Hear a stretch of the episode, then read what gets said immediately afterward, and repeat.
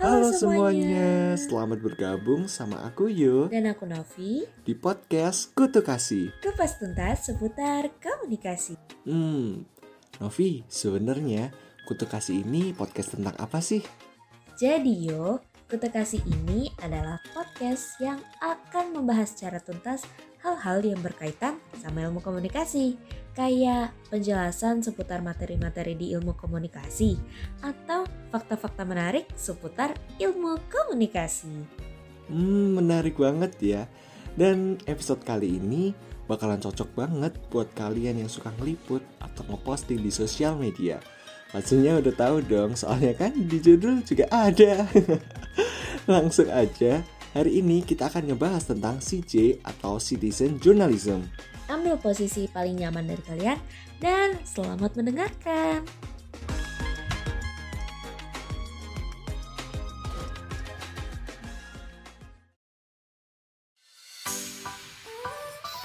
Mungkin sekarang ini masih ada yang bertanya-tanya Kayak tadi disebutin tentang CJ, terus citizen journalism Itu apa gitu Terus kenapa kok ada jurnalismnya juga Nah ini aku jelasin Citizen journalism kalau menurut Shane Bowman dan Chris Willis mendefinisikan citizen journalism sebagai the act of citizen playing an active role in the process of collecting, reporting, analyzing, and disseminating news and information. Artinya warga memiliki hak untuk menjadi pencari, terus memproses dan menganalisa berita untuk kemudian dilaporkan kepada masyarakat luas melalui media. Mungkin bahasa yang barusan tuh agak susah ya buat ditangkap gitu. Gampangnya gini, citizen journalism itu sekelompok warga yang aktif memposting berita atau kejadian yang ada di sekitarnya pada internet. Kalian pasti pernah lihat kayak orang yang ngeluarin HP waktu terjadinya tawuran atau kebakaran atau mungkin kejadian-kejadian lainnya yang lain dari biasanya gitu. Nah, hal tersebut tuh bisa juga mereka lagi ngeliput buat diposting di blog terus atau di media sosial buat dijadiin berita gitu.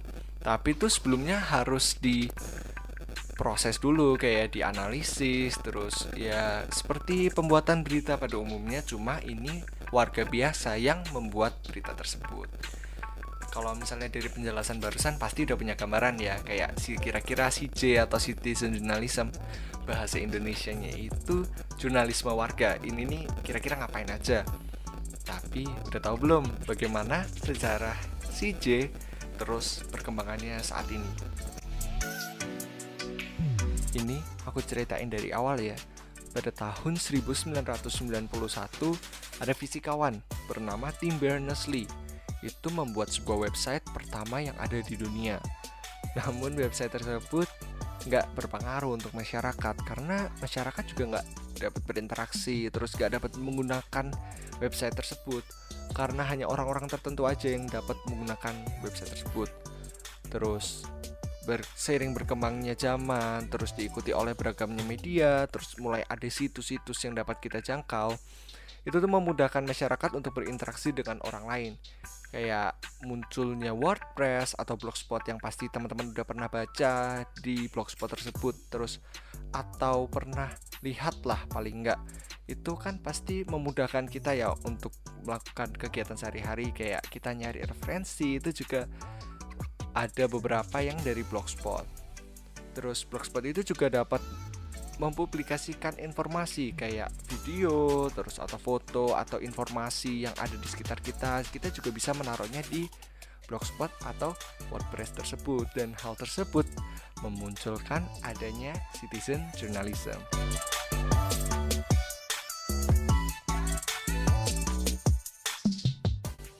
Sebenarnya dari awal kemunculan citizen journalism itu sudah dapat banyak penolakan dari media mainstream kayak reporter gitu. Karena mereka nganggap kalau citizen journalism itu bukan dari orang yang profesional. Terus ada juga yang bilang kalau CJ ini atau citizen journalism ini nggak bakalan bisa ngasih liputan yang baik. Karena hanya jurnalis terlatih yang mengetahui etika media waktu peliputan yang dapat memberikan hasil yang baik. Walaupun begitu, sebenarnya citizen journalism juga dapat memberikan hasil liputan yang baik. Ketika si C ini memiliki ilmu, ketika citizen journalism ini memiliki pengetahuan mengenai liputan, maka citizen journalism akan menghasilkan liputan yang baik, akan menghasilkan ya produk yang baik juga gitu. Terus ada juga yang mempertanyakan tentang keakuratan dari hasil peliputan yang citizen journalism lakukan kalau menurut saya nih karena citizen journalism ini kan berasal dari orang-orang yang memiliki latar belakang yang berbeda terus mungkin dari bahasanya juga yang berbeda waktu waktu melakukan peliputan dan hal tersebut menjadi salah satu faktor atau hal yang mempengaruhi tentang kredibilitas seorang citizen journalism. Tapi walaupun begitu, citizen journalism masih di, banyak dikritik, terus masih banyak yang bisa dibilang kurang serak gitu ya. Bisa dibilang kalau citizen journalism ini tetap berkembang sampai sekarang. Malah justru semakin banyak juga gitu kan orang-orang yang meliput tentang keadaan sekitar atau tentang sebuah kejadian gitu. Seperti salah satunya contoh ini. Kayak kalian pasti tahu tentang peristiwa runtuhnya WTC atau biasa disebut World Trade Center. Itu kan salah satu berita yang cukup menghebohkan ya karena pesawat menabrak gedung itu dan mengalami banyak korban jiwa juga ya bisa dibilang itu peristiwa yang sangat menyedihkan ya. Justru kejadian WTC tersebut itu banyak diliput oleh CJ yang ada di sekitar bangunan malah reporter-reporternya datang ketika uh, peristiwa tersebut telah terjadi. Ada juga, oh ya ini ada juga dari Indonesia. Ketika tsunami yang melanda Aceh pada tahun 2004 itu banyak CJ yang memposting di blogger terus ada juga yang mengupload video di YouTube. Itu melapor uh, meliput tentang kejadian waktu tsunami Aceh tersebut terjadi gitu.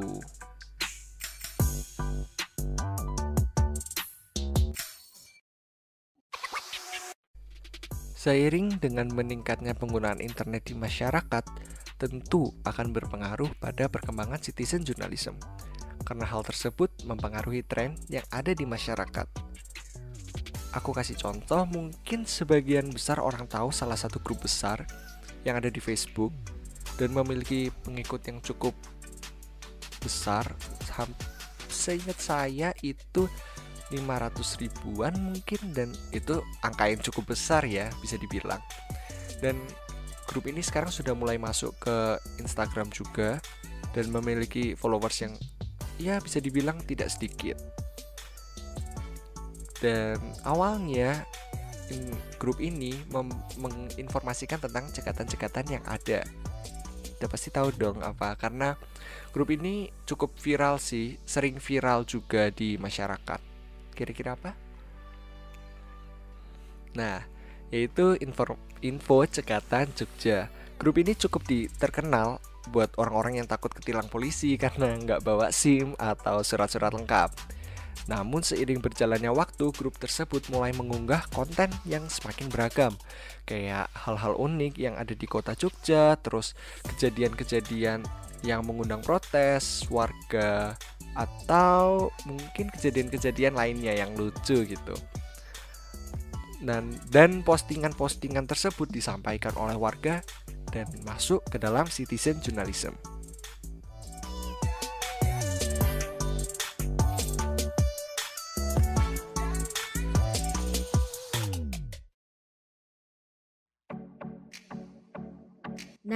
Kira-kira nih unsur apa aja sih yang bisa mengindikasikan bahwa seseorang itu adalah citizen journalist? Well, ini dia unsur-unsur citizen journalist.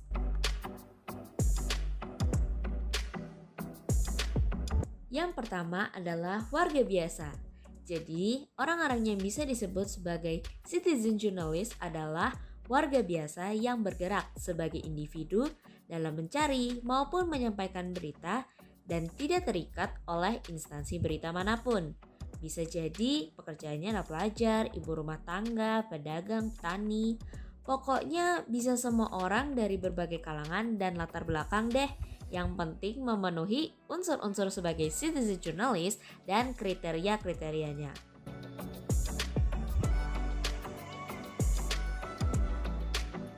Unsur yang kedua adalah citizen journalist bukanlah jurnalis profesional.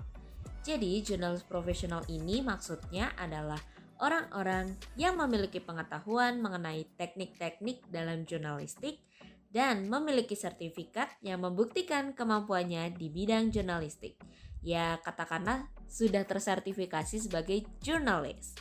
Nah, sebuah pemberitaan tidak bisa lagi disebut sebagai citizen journalism apabila sudah melibatkan wartawan profesional karena citizen journalist adalah orang-orang yang meliput dan menyampaikan berita secara mandiri atau bergerak sebagai individu. Nah, kalau yang membuat berita untuk disetorkan dan diupload oleh media, meskipun dia adalah individu, bukan pekerja media itu seperti kantor berita, itu sebutannya ada sendiri nih, namanya participatory journalist. Next, unsur yang ketiga ada citizen journalist terkait dengan fakta atau beritanya bersifat faktual. Jadi, meskipun seorang citizen journalist itu tidak mengetahui teknik-teknik dasar dalam dunia jurnalistik, berita yang disampaikan harus tetap sesuai dong sama fakta yang ada di lapangan. Bukan cuma settingan yang sengaja dibuat biar jadi viral dan heboh di media sosial. Itu nggak boleh ya. Unsur keempat ada kepekaan atas fakta yang terjadi. Untuk menjadi seorang citizen journalist, kita harus siap siaga terhadap kejadian yang ada di sekitar kita. Dengan kata lain, kita harus selalu peka sama hal-hal yang ada di sekitar kita, kayak kepekaanmu sama dia. Unsur kelima yang harus dipenuhi sebagai citizen journalist adalah memiliki peralatan informasi dan teknologi yang mendukung. Jadi, untuk memberikan pemberitaan mengenai suatu hal, tentunya kita memerlukan data-data pendukung dan juga bukti nih untuk memvalidasi berita yang kita sampaikan. Bahwa berita yang kita sampaikan ini nih sesuai dengan fakta loh. Nah, makanya kita perlu sarana dan prasarana yang mendukung kinerja kita sebagai citizen journalist. Contohnya nih, nggak usah yang mahal-mahal ataupun canggih-canggih banget kita cukup pakai HP yang kita pakai sehari-hari. HP zaman sekarang itu kan bisa buat rekam video, ambil foto, ataupun bisa dibuat sebagai media pencari untuk mendukung data-data yang kita perlukan nih untuk menyampaikan berita. Dan sekarang ini kan juga udah banyak banget platform media sosial yang bisa kita gunakan sebagai kanal untuk kita menyampaikan berita yang ingin kita sampaikan. Lanjut ke unsur yang keenam, yaitu memiliki kemampuan dalam menulis ataupun melaporkan berita. Jadi kemampuan dalam menulis itu tuh penting banget bagi seorang citizen journalist. Karena untuk melaporkan suatu kejadian dengan baik, kita harus menyusun kata-kata, data, dan fakta yang ada secara runtut agar dapat dipahami oleh orang lain. Kemampuan menulis ini nih nggak semua orang bisa loh tapi buat orang-orang yang memiliki kemampuan menulis juga perlu kemampuan-kemampuan yang lain agar bisa menjadi citizen journalist.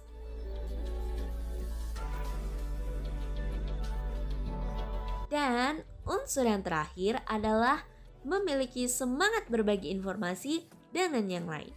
Kalau menurut aku pribadi nih, unsur yang terakhir ini nih unsur yang paling penting dan paling utama bagi seorang citizen journalist ya soalnya kan semangat berbagi ini nih jadi motivasi kita buat mencari berita yang akan dibagikan sama orang lain gitu kan ya kalau misalnya kita punya kemampuan-kemampuan, punya surprise yang mendukung, tapi kita nggak ada motivasi buat membagikan informasi, kan sama aja bohong ya. Jadi ini paling penting banget sih buat seorang citizen journalist.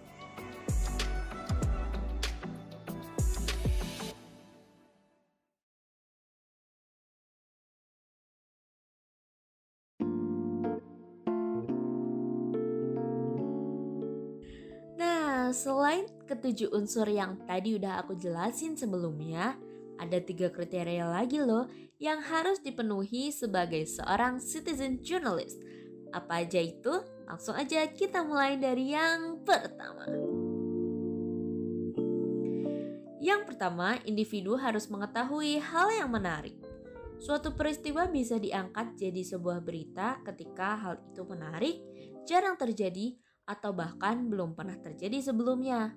Atau bisa juga suatu hal yang lagi in banget atau jadi pembicaraan hot di kalangan masyarakat diangkat jadi sebuah berita. Nah, kalau mau jadi citizen journalist, ya tentunya kita harus bisa melihat hal-hal menarik yang ada di sekitar kita yang bisa diangkat jadi sebuah pemberitaan. Tapi kita tetap harus ingat bahwa berita yang kita sampaikan harus faktual dan bukan settingan. Yang kedua, individu yang selalu ingin tahu. Kalau mau jadi citizen journalist, ya harus punya jiwa ingin tahu atau kepo. Kepo di sini tuh maksudnya rasa keingintahuan terhadap suatu kejadian gitu di sekitar kita. Ada kejadian apa? Siapa aja yang terlibat? Gimana sih kok bisa kejadian kayak gitu? Dan lain sebagainya. Jiwa kepo ini nih akan menuntun kita menggali informasi yang lebih dalam mengenai sebuah peristiwa. Kalau misalnya kita cuek dan gak mau tahu, ya gimana kita mau menyampaikan berita?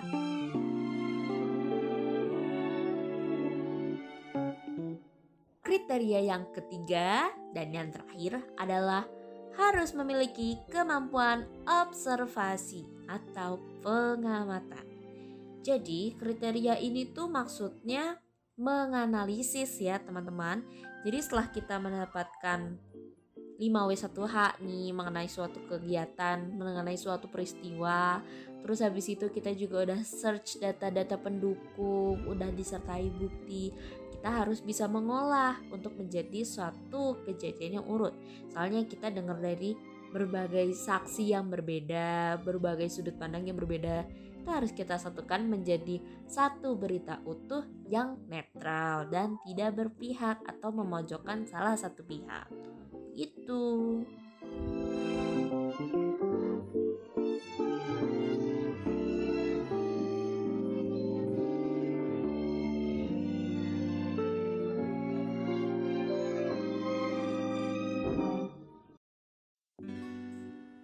Nah, kalau dari penjelasan-penjelasan tadi, berarti seseorang itu bisa disebut sebagai citizen journalist kalau dia seorang warga biasa yang menyampaikan suatu pemberitaan dengan kriteria-kriteria tertentu di platform pribadi, ya gak sih? Seiring dengan perkembangan teknologi informasi dan komunikasi, pasti juga makin gampang nih buat kita jadi seorang citizen journalist. Soalnya kan HP makin canggih, sosial media itu juga makin banyak jenisnya, internet juga makin bisa diakses di mana aja orang-orang di masa sekarang juga udah banyak sih yang memanfaatkan sarana dan prasarana yang ada dan menjadikan diri mereka sebagai citizen journalist. Ngomong-ngomong soal citizen journalism nih, kamu pernah dengar berita ini gak sih yo? Tentang Kak Anggun yang kemarin sempat rame di twitternya at alira-alira itu loh yang ngepost apa sih itu? Oh, Kayaknya aku pernah baca sih yang lulusan Minerva School pertama di Indonesia bukan? Kayaknya itu juga termasuk citizen journalism gak sih? Soalnya waktu itu aku sempat baca juga kayak ada unsur 5W plus 1 hanya di dalam threadnya itu kayak siapa yang terlibat, terus peristiwa apa, ada peristiwa apa, terus di mana, kapan, bagaimana dan kenapa hal itu menjadi suatu peristiwa yang layak diberitakan. Itu bener nggak? Bener banget yo. Bahkan nih di akun @aliralira itu juga menyertakan bukti-bukti pendukung loh kayak bukti kakaknya yang lagi meet sama Kak Anggun secara langsung nih terus juga ada link kita bisa yang waktu itu dibikin sama Kak Anggun buat mengumpulkan donasi buat dia sekolah di Minerva School dan juga ada berita nih tentang kenapa Minerva School itu tuh susah banget peluang keterimanya. Hmm, menarik banget ya episode kali ini. Tapi Sayang banget, waktunya udah habis nih. Ya sedih, tapi jangan sedih deh, kan masih bisa ketemu di episode selanjutnya. Kalau gitu saatnya aku yo dan rekan aku. Novi pamit undur diri. Terima kasih dan See ya.